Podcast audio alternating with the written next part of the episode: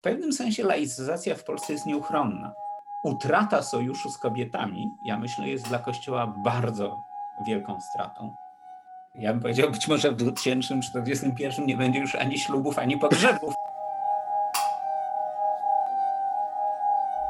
Dzień dobry wieczór. Czy możliwa jest Polska bez Kościoła katolickiego? Zapraszamy do wysłuchania rozmowy z Andrzejem Lederem. Podcast Delfin w Malinach. Najnowsze obyczaje z domu i z obejścia.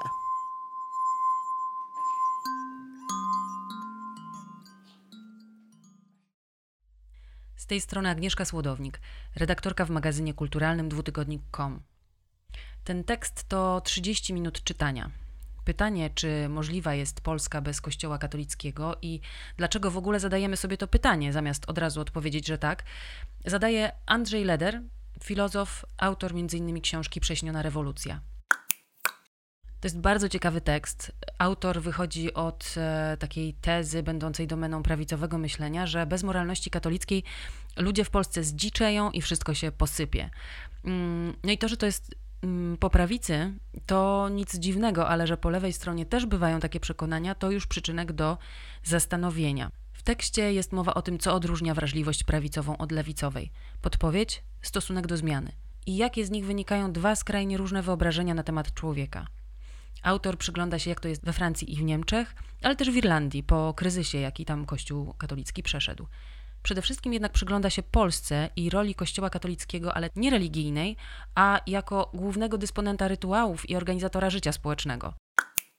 Zanim przejdziemy do rozmowy z Andrzejem Lederem, którą przeprowadził redaktor Maciej Jakubowiak, kilka słów o naszym nowym piątkowym mikrocyklu. Dla każdej matki miłe jej dziadki.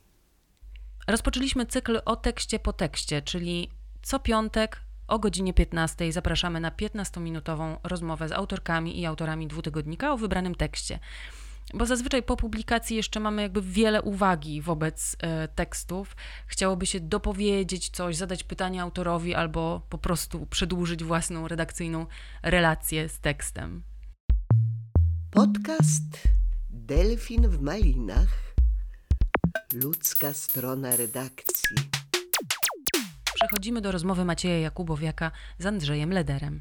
Tak sobie pomyślałem, że ten tekst, który miał być o warunkach możliwości funkcjonowania Polski bez kościoła, był, jest w dużej mierze tekstem o warunkach niemożliwości tego funkcjonowania, ponieważ no, e, spora, spora część pańskiej analizy pokazuje, jak głęboko historycznie, ale też mentalnie i kulturalnie te związki są zakorzenione i jak wiele musiałoby się zmienić, i jak wiele prześlepionych historycznie szans nas ominęło na to, żeby, żeby coś się tutaj zmieniło.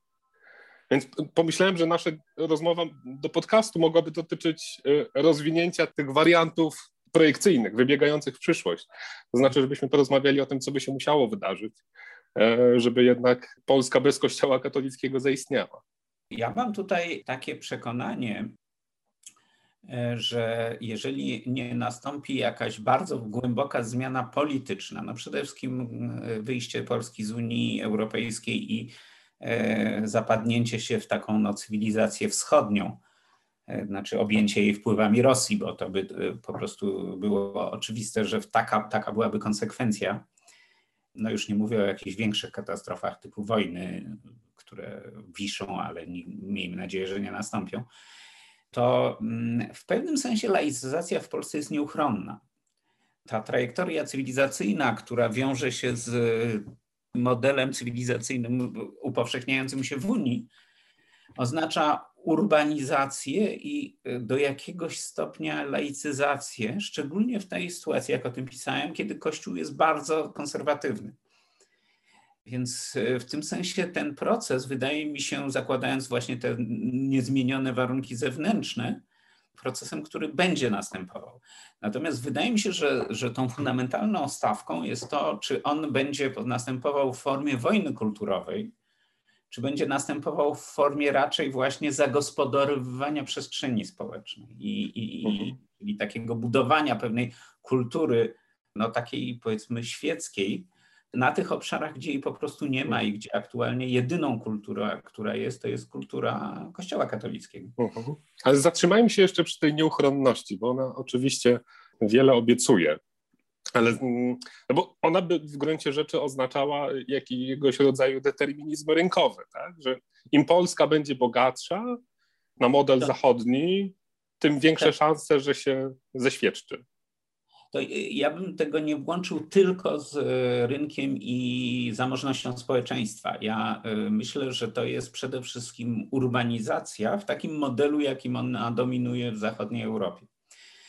Czyli faktycznie to, że coraz większy procent ludzi w Polsce mieszka w miastach dużych i średnich, przenosząc się ze wsi albo z małych miast to ja wcale nie twierdzę, że to jest dobry proces. Co więcej, pandemia na przykład może wpłynąć na to, że ten trend się na jakiś czas zatrzyma. Mhm. Ale y, ten typ urbanizacji uruchamia po prostu nowe potrzeby kulturowe. I y, wydaje mi się, że albo jest tak, że Kościół potrafi się do tych potrzeb dostosowywać, i to nazywam modelem niemieckim, to znaczy, że potrafi na przykład y, funkcjonować o wiele bliżej z laikatem i jakby przyjmować taki demokratyczny obyczaj, y, który jest charakterystyczny dla, dla takiej powiedzmy kultury miejskiej, nowoczesnej. No powiedziałbym po II wojnie światowej, bo to nie, też nie zawsze tak było albo y, jeżeli właśnie y, się okopuje na takich bardzo konserwatywnych pozycjach, to y, jest omijany. I to widać w miastach, w dużych miastach, w szczególności w Polsce, w sposób oczywisty. To znaczy, jeżeli w takim mieście jak Warszawa, czy chyba nawet Kraków już teraz, więcej ślubów, które zawiera się w rytuale czy w procedurze cywilnej niż kościelnej, to, e, to znaczy, że po prostu ludzie szukają takiej formy, która nie będzie ich zmuszała do właśnie tego e, wszystkiego, co wiąże się z kontaktem z Kościołem. Abstrahując od tego, że bardzo wiele związków w ogóle omija jakikolwiek rytuał, to znaczy kontestuje społeczną legitymizację tego, że, że funkcjonują razem. Więc w tym sensie raczej bym powiedział, że to pewna zmiana kulturowa, która wiąże się z europeizacją i urbanizacją popycha do tej zmiany. Oczywiście warunkiem jej jest też e, zamożność. To znaczy mhm. ludzie, którzy są zależni bardzo wyraźnie lub uciśnieni ekonomicznie, mają ogromny kłopot z tego rodzaju uniezależnianiem się też kulturowym i obyczajowym. W pańskim tekście pojawia się też inny wątek i on właściwie e, od samego początku gdzieś tam powraca. Zaczyna się od Karola Modzelewskiego i od tego że jak pan wspomina, e, ten, ten nieuchronny związek Polski z Kościołem zauważają nie tylko konserwatyści, którzy by go chcieli, ale też krytycy neoliberalizmu. Szansą na to, żeby, żeby Polskę tutaj wyciągnąć powiedzmy prędzej niż później e, z tego klinczu byłaby lewicowa korekta dotychczasowej linii politycznej, czyli lewicowa korekta kapitalizmu, tak? której patronem mógłby być na przykład Karol Modzelewski ale jednocześnie pisze pan o tym, że lewica w Polsce funkcjonuje w takim klinczu, z którego nie umie się wydobyć. Z jednej strony dystansując się od wielkomiejskich elit, ale z drugiej strony nie potrafiąc zdobyć e, sympatii prowincjonalnych e, wyborców. Tak, wydaje mi się, że, że właśnie y, to jest y, ta granica, która powoduje, że mimo wielu y, na przykład związanych z pandemią powodów, dla których e, siła lewicy mogłaby rosnąć, czy partie lewicowe mogłyby uzyskiwać większe poparcie, one e, tego poparcia nie uzyskują, ponieważ no, z jednej strony właśnie próbują zdobywać sobie elektorat ludowy, ale właśnie nie bardzo umiejąc do niego przymówić, między innymi nie wiedząc właściwie, jaki ma mieć stosunek do Kościoła katolickiego a z drugiej strony bardzo, jest ogólnie rzecz biorąc obrażona na właśnie wielkomiejską e, klasę średnią. Mówię o tym, że lewica jest na nią obrażona, ponieważ rzeczywiście wielkomiejska klasa średnia jest wychowana w tej balcerowiczowskiej pedagogice neoliberalnej i bardzo głęboko indywidualistyczna i zupełnie niezainteresowana jakąkolwiek spo, e, społeczną czy lewicową korektą. Ja osobiście myślę, że do jakiegoś stopnia e, lewica powinna myśleć pokoleniowo. To znaczy, że powinna myśleć o tym, że musi sobie wychować swój własny elektorat i musi go wychować tak w środowiskach y, liberalnych, co zresztą się teraz dzieje, dlatego że no w szczególności wśród kobiet, które po prostu bardzo wyraźnie skręcają na lewo wskutek y, opresji w dużym stopniu niesionej przez Kościół, związanej z polityką reprodukcyjną. A z drugiej strony powinna docierać do młodych ludzi w klasach ludowych, którzy też wcale nie są tacy znowu bardzo podporządkowani temu feudalizmowi czy tej folwarcznej mentalności, którą Kościół na prowincji niesie. I e, wydaje mi się, że, że w tym sensie to jest długi marsz z punktu widzenia lewicy, to znaczy, że lewica musi sobie swój elektorat wychować. Ona nie zdobędzie, moim zdaniem, elektoratu pisowskiego na przykład. I dopiero nowy elektorat, który musi zostać stworzony w gruncie rzeczy, może stać się podstawą rozszerzenia się pola działania lewicy. Czyli mm, tutaj na przykład niedawne badania dotyczące preferencji politycznych młodych ludzi, pokazujące, że pierwszy raz właściwie w, w historii trzeciej RP większość młodych ma skłonności lewicowe, czy tak się przynajmniej definiuje, no to w połączeniu ze statystykami mówiącymi o tym, że coraz więcej młodych ludzi odchodzi z kościoła po prostu. To by były jakieś ślady Mm, sygnały tego, że tylko siedzieć i czekać. E, absolutnie nie siedzieć i czekać, dlatego że po pierwsze e, skłonności lewicowe są wyłącznie e, skłonnościami, to znaczy na pewno nie są jakimkolwiek trwałym i świadomym wyborem politycznym. Pamiętajmy, że zupełnie niedawno bardzo wielu młodych miało skłonności do konfederacji i skrajnej prawicy. Więc i nadal myślę, jest dość duży odłam, szczególnie wśród młodych mężczyzn, którzy takie skłonności mają tutaj jest moim zdaniem po prostu ogromna praca. Y, no, wiem, że z punktu widzenia młodych ludzi mówienie o pedagogice czy wychowaniu jest odrażające, ale ja jednak tak bym to nazwał. To znaczy, że jest ogromna e, praca taka, no nazwijmy to uświadamiająca, czy też przenosząca pewien e, równościowy i taki właśnie sprawiedliwościowy model kultury. I żeby y, to się zakorzeniło, E, wydaje mi się, że ten, te, te odchylenia na nostalgię i zwroty nie będą trwałe. To znaczy one nie stworzą właśnie elektoratu, jeżeli nie będą zamienione w pewnego rodzaju uświadomiony wybór. I dopiero to może doprowadzić do zmiany na scenie politycznej. Czyli tak naprawdę sprawę powinna rozwiązać mm, aktywna polityka kulturalna, z jednej strony to na przykład partii politycznych, ale z drugiej strony y, kultura globalna. Ale nie Bo to jest. Mhm. Na pewno, ale nie tylko kulturalna. Ja wrócę do tego, od czego Pan zaczął, jakie są te warunki możliwe. Mhm. Znaczy, jeżeli w Polsce ma nie dojść do wojny kulturowej w o wiele brutalniejszym wymiarze niż ona już istnieje, to y, potrzebna jest ogromna presja na państwo i dysponentów środków, bo to nie dotyczy tylko państwa, to dotyczy wielkich korporacji, oligarchii finansowych i tego, co się dzisiaj często nazywa elitami, do o wiele bardziej sprawiedliwościowej polityki, to znaczy takiej, która dociera z różnego rodzaju propozycjami i ekonomicznymi, i kulturowymi, tam, gdzie właśnie istnieje całkowity monopol y, Kościoła. E, bez tego, moim zdaniem, ta polaryzacja będzie się pogłębiać. To znaczy, z jednej strony będą te środowiska, które po prostu stać na to, żeby być niezależnymi kulturowo, i to jest głównie wielkomiejska część społeczeństwa, i z drugiej strony będą ci, którzy z naturalnych przyczyn, bo nie mają alternatywy, są i kulturowo, i społecznie, i ekonomicznie zależni od Kościoła, i to będzie, i to ta, ta Wandea będzie zwalczała po prostu ten, ten model e, wolnościowy czy równościowy. I tutaj e, presja na politykę państwa jest e, też moim zdaniem bardzo ważnym czynnikiem. To znaczy, że myślę, że po pierwsze jest to presja na samorządy, to znaczy na pewną solidarność samorządów, bo ja wiem, no takim przykładem jest to, że zniesienie Janosikowego byłoby zbrodnią w tym kontekście, a z drugiej strony na też taką kulturową solidarność, to znaczy na to, żeby, żeby ci, którzy są silniejsi, wspierali tych, którzy są słabsi, również w wymiarze kulturowym.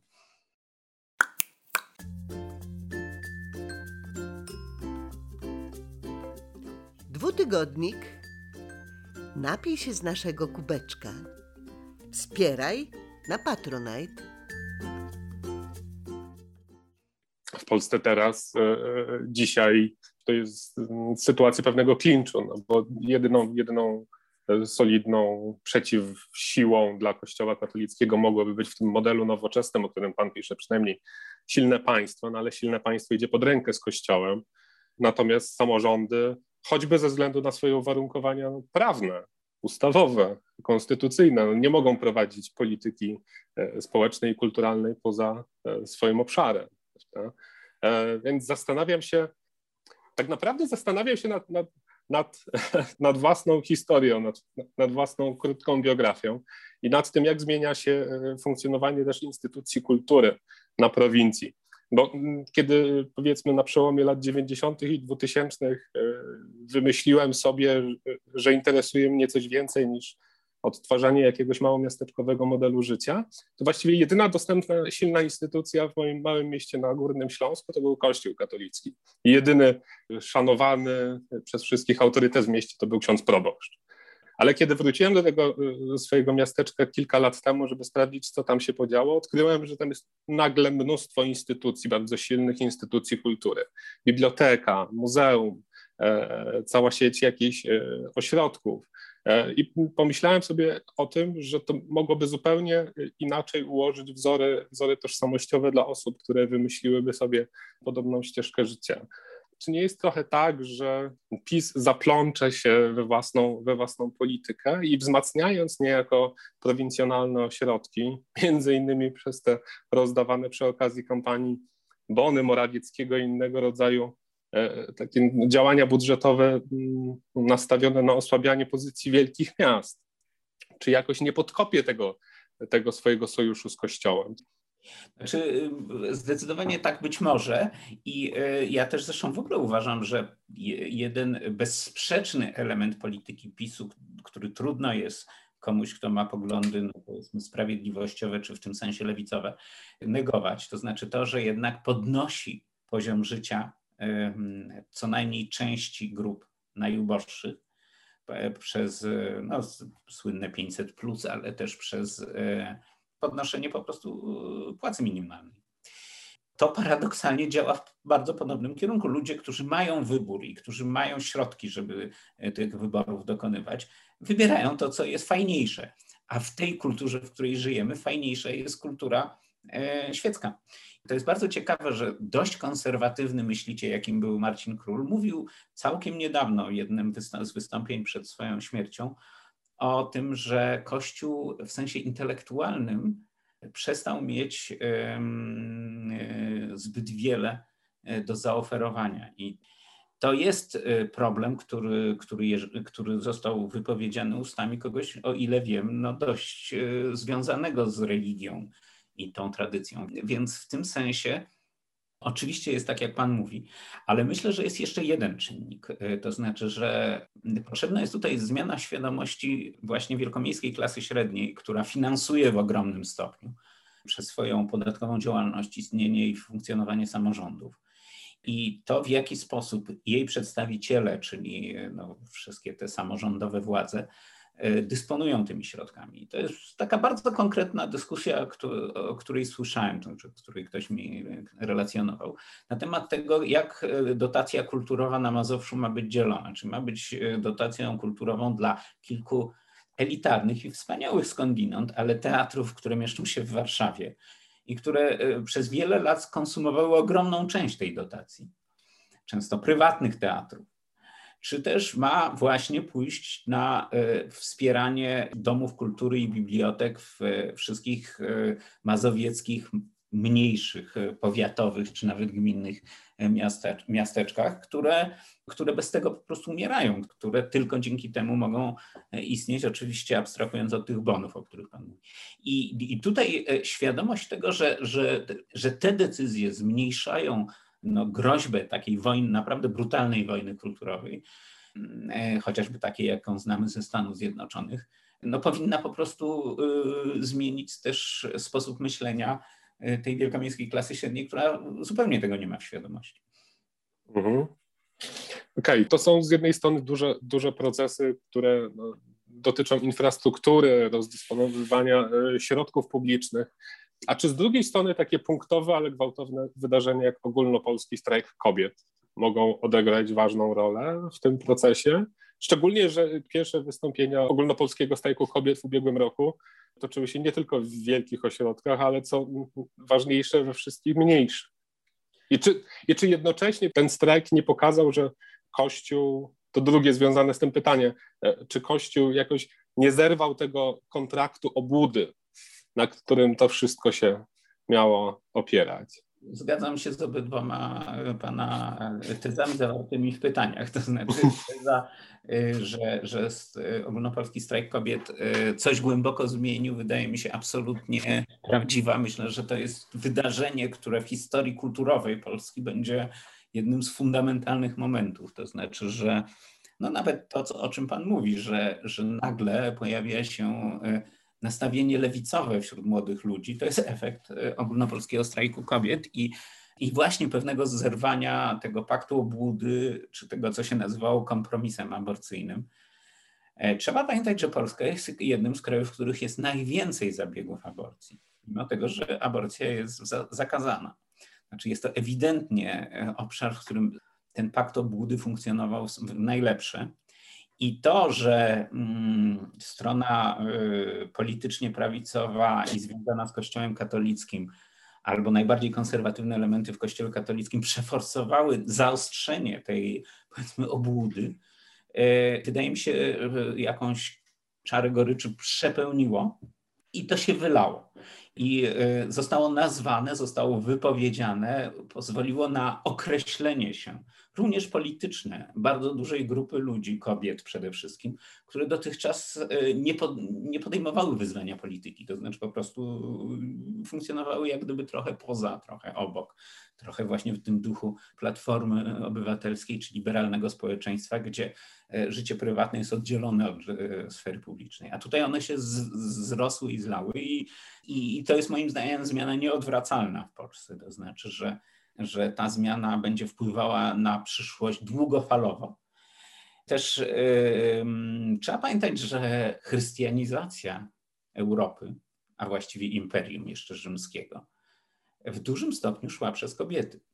Nowa wiara, jaką było chrześcijaństwo, miała najwięcej zwolenniczek wśród kobiet i chociażby y, matka Augustyna z Hipony była tą, która wpoiła mu też chrześcijański światopogląd. Utrata sojuszu z kobietami, ja myślę, jest dla Kościoła bardzo wielką stratą. I jakkolwiek widać teraz, jak Kościół bardzo próbuje to nadrabiać, ten, ta ogromna akcja plakatowa, która się odbywa, no ja ją widzę w Warszawie akurat, która jest ewidentnie do takiego, powiedziałem, serca kobiecego mhm. adresowana. Wydaje mi się próbą właśnie e, e, zawarcia z powrotem tego sojuszu te wszystkie dzieci, stópki mhm. małe i tak dalej, i tak dalej. Ale wydaje mi się, że to pęknięcie jest już nie do odrobienia, szczególnie przy postawie bardzo dużej części hierarchii, która jest niesłychanie wobec kobiet arogancka. Mhm. Pisze pan też o tym, i ten, to jest szalenie ciekawy moment tego tekstu, jak, jak, jak cała ta kultura obłudy i cały ten klincz sprowadza się w zasadzie do jednego kluczowego rytuału, jakim jest rytuał spowiedzi. E, I że on, że on jakby funduje i, i umożliwia funkcjonowanie całego, całego tego mechanizmu.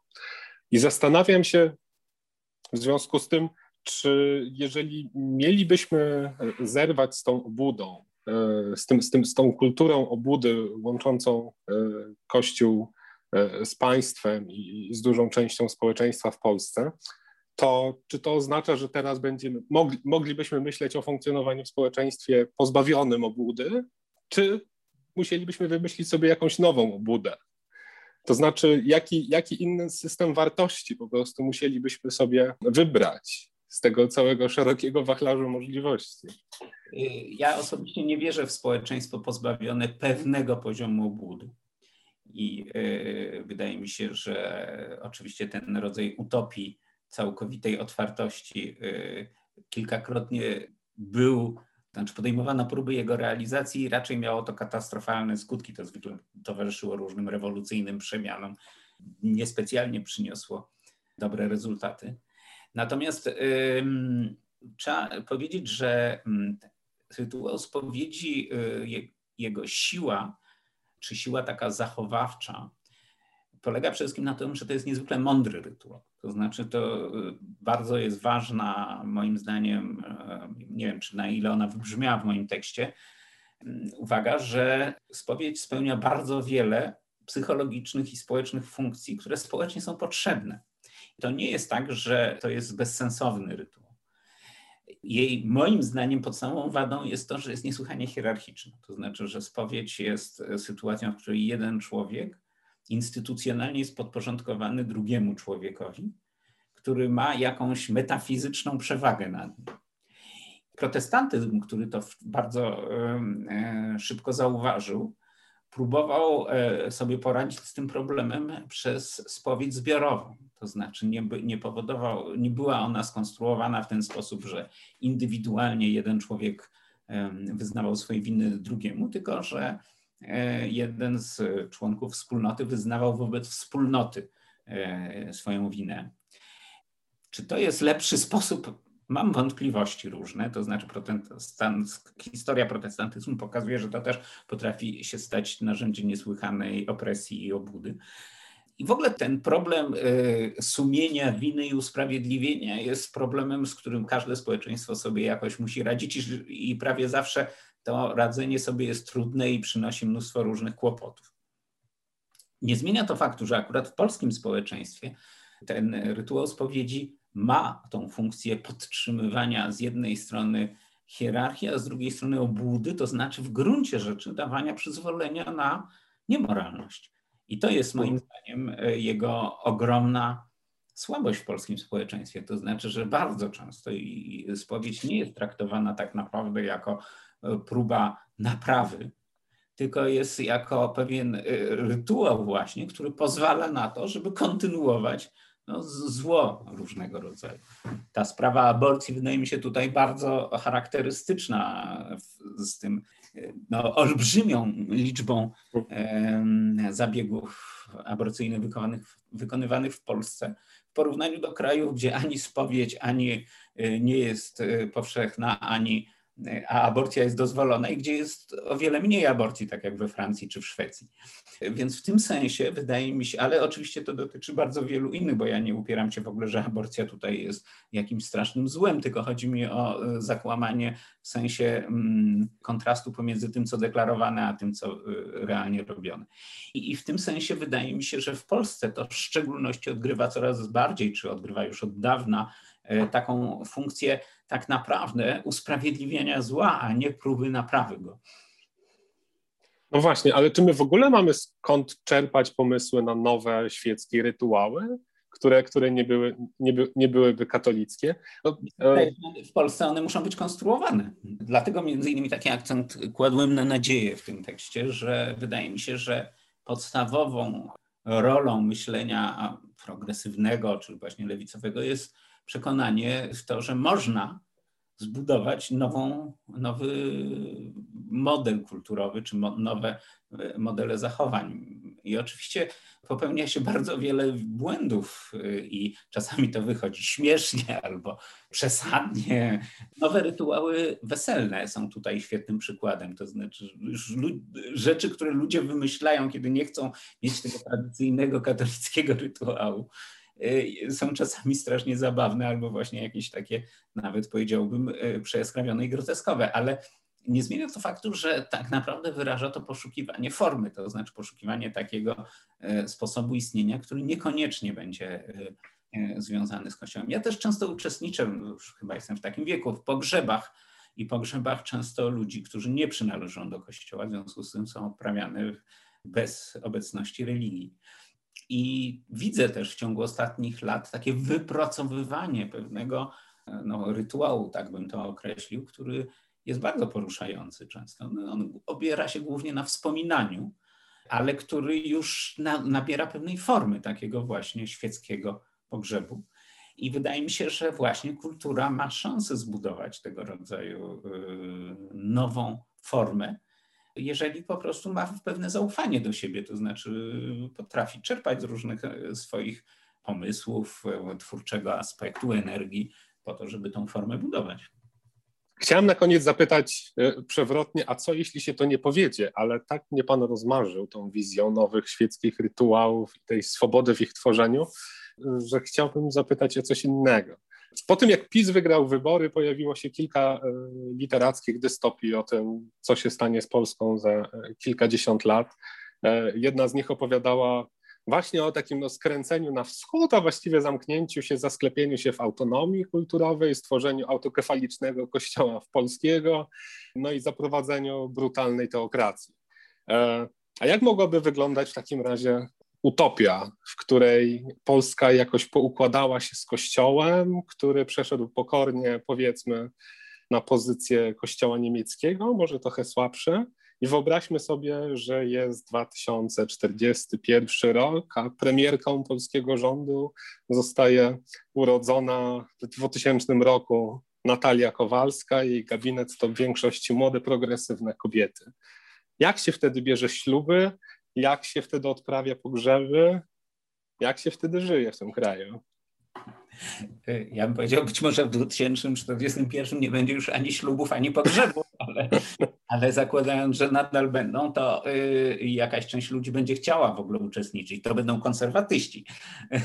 To ja sobie myślę, że, że y, będzie się żyło no mniej więcej właśnie tak, jak w większości no, takich w miarę y, zdemokratyzowanych społeczeństw, które przez jakiś czas mogły w takim w miarę równościowym modelu żyć. Ja bym powiedział, że, że no wielokrotnie przy, y, przywoływany model skandynawski, ale ja bym powiedział tylko z pewnego okresu też historii, to znaczy te 60. do powiedzmy początku lat 80. czy 80. lat, y, modele skandynawskie, bo potem Skandynawia była zbyt mała, czy kraje skandynawskie były zbyt małe, żeby się oprzeć globalizacji, żeby móc zachować ten swój równościowy model, on się rozsypał w gruncie rzeczy pod presją świata i musiałby zaistnieć w o wiele, wiele większej skali, żeby, żeby, żeby móc objąć stabilnie społeczeństwa. I myślę, że to jest jeden z podstawowych elementów. To znaczy, że Polska będzie należała do jakiejś dużo większej całości i że to będzie taka całość, w której e, ta premierka będzie musiała współpracować z e, swoimi koleżankami, no właśnie z Berlina, Pragi, e, a nawet Bukaresztu. I że ta, ta wspólnota będzie dawała szansę na to, żeby ten, te śluby mogły się odbywać no, w pewnym poczuciu bezpieczeństwa. Nie przypadkiem ta dystopia, o której Pan mówił, była autarkiczna i auto kefaliczne, znaczy, że to jest społeczeństwo zamknięte, ale pamiętajmy, że w dzisiejszym świecie, znowu, chyba że, nie, że nastąpi jakaś kompletna katastrofa cywilizacyjna, nie ma czegoś takiego jak 30-milionowy zamknięty naród poza może Koreą Północną. To znaczy, to będzie po prostu rosyjska prowincja i yy, nieprzypadkowo endecja, czyli najbardziej konserwatywny ruch polityczny w Polsce, zawsze był prorosyjski. Znaczy, to, ta świadomość, że E, wejście w obręb wpływu kultury zachodniej, którą zresztą w Polsce zwykle reprezentują Niemcy, oznacza z głęboką zmianę cywilizacyjną, powoduje, że e, konserwatyzm w Polsce zawsze stawia, taki głęboki konserwatyzm nacjonalistyczny, stawia na relacje z Rosją, ponieważ to gwarantuje w pewnym sensie zachowanie folwarcznego charakteru polskiego społeczeństwa alternatywą jest właśnie e, europeizacja i rytuały takie, komu przyjdą do głowy. Chociaż myślę, że zawsze pewna forma się przyjmuje, ale jaka ona będzie. Tak jak powiedziałem, ja częściej aktualnie biorę udział w pogrzebach, więc mogę trochę więcej opowiedzieć o rytuale pogrzebowym, który moim zdaniem się teraz wyłania. Mhm. Obawiałem się, że, że, że pociągnęło Pana znów w stronę warunków niemożliwości, ale jednak zostańmy przy tym, że to jest, że to jest możliwe. Bardzo dziękuję. Słuchaj, lecz w lusterka patrz. Rytuały, o których była mowa, też bardzo mnie rozmarzyły.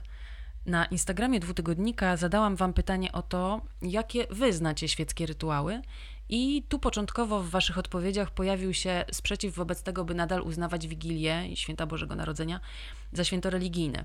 No i w sumie trudno zaprzeczyć, że to jest rzeczywiście że to rzeczywiście rytuał histerii zakupowej, ale jednocześnie, czy nie jest to jedna z ostatnich platform takich pozabańkowych spotkań, gdzie można się zetknąć z naszą polską innością wszelaką, e, że to jest miejsce, w którym jest mieszanina wartości wieku, humoru, języka itd.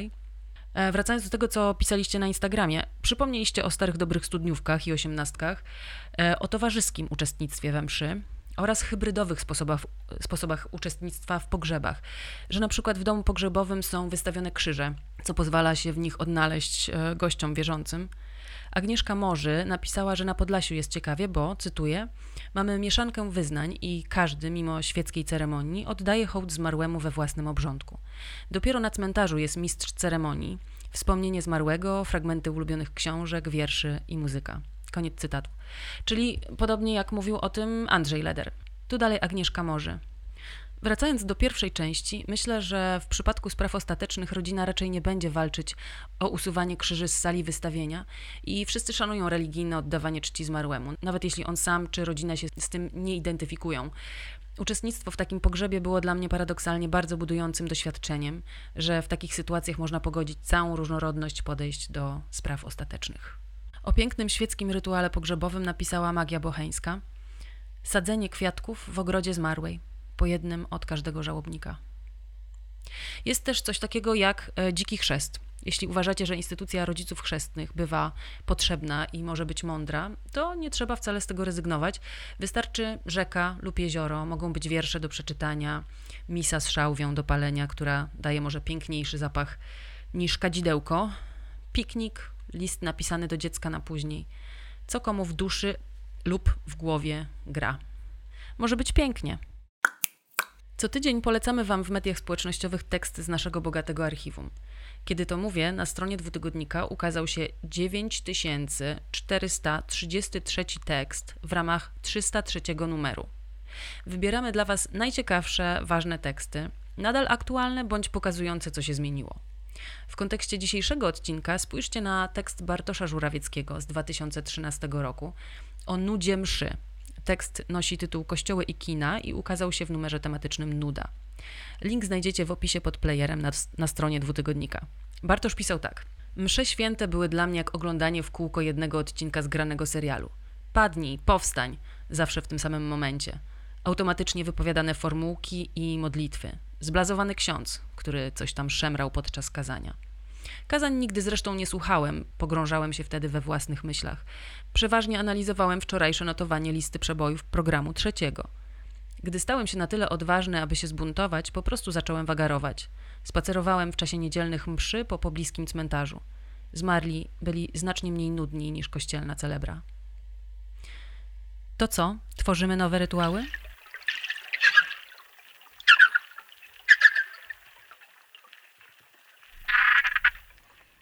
Słuchaliście podcastu Delfin w Malinach, magazynu kulturalnego dwutygodnik.com.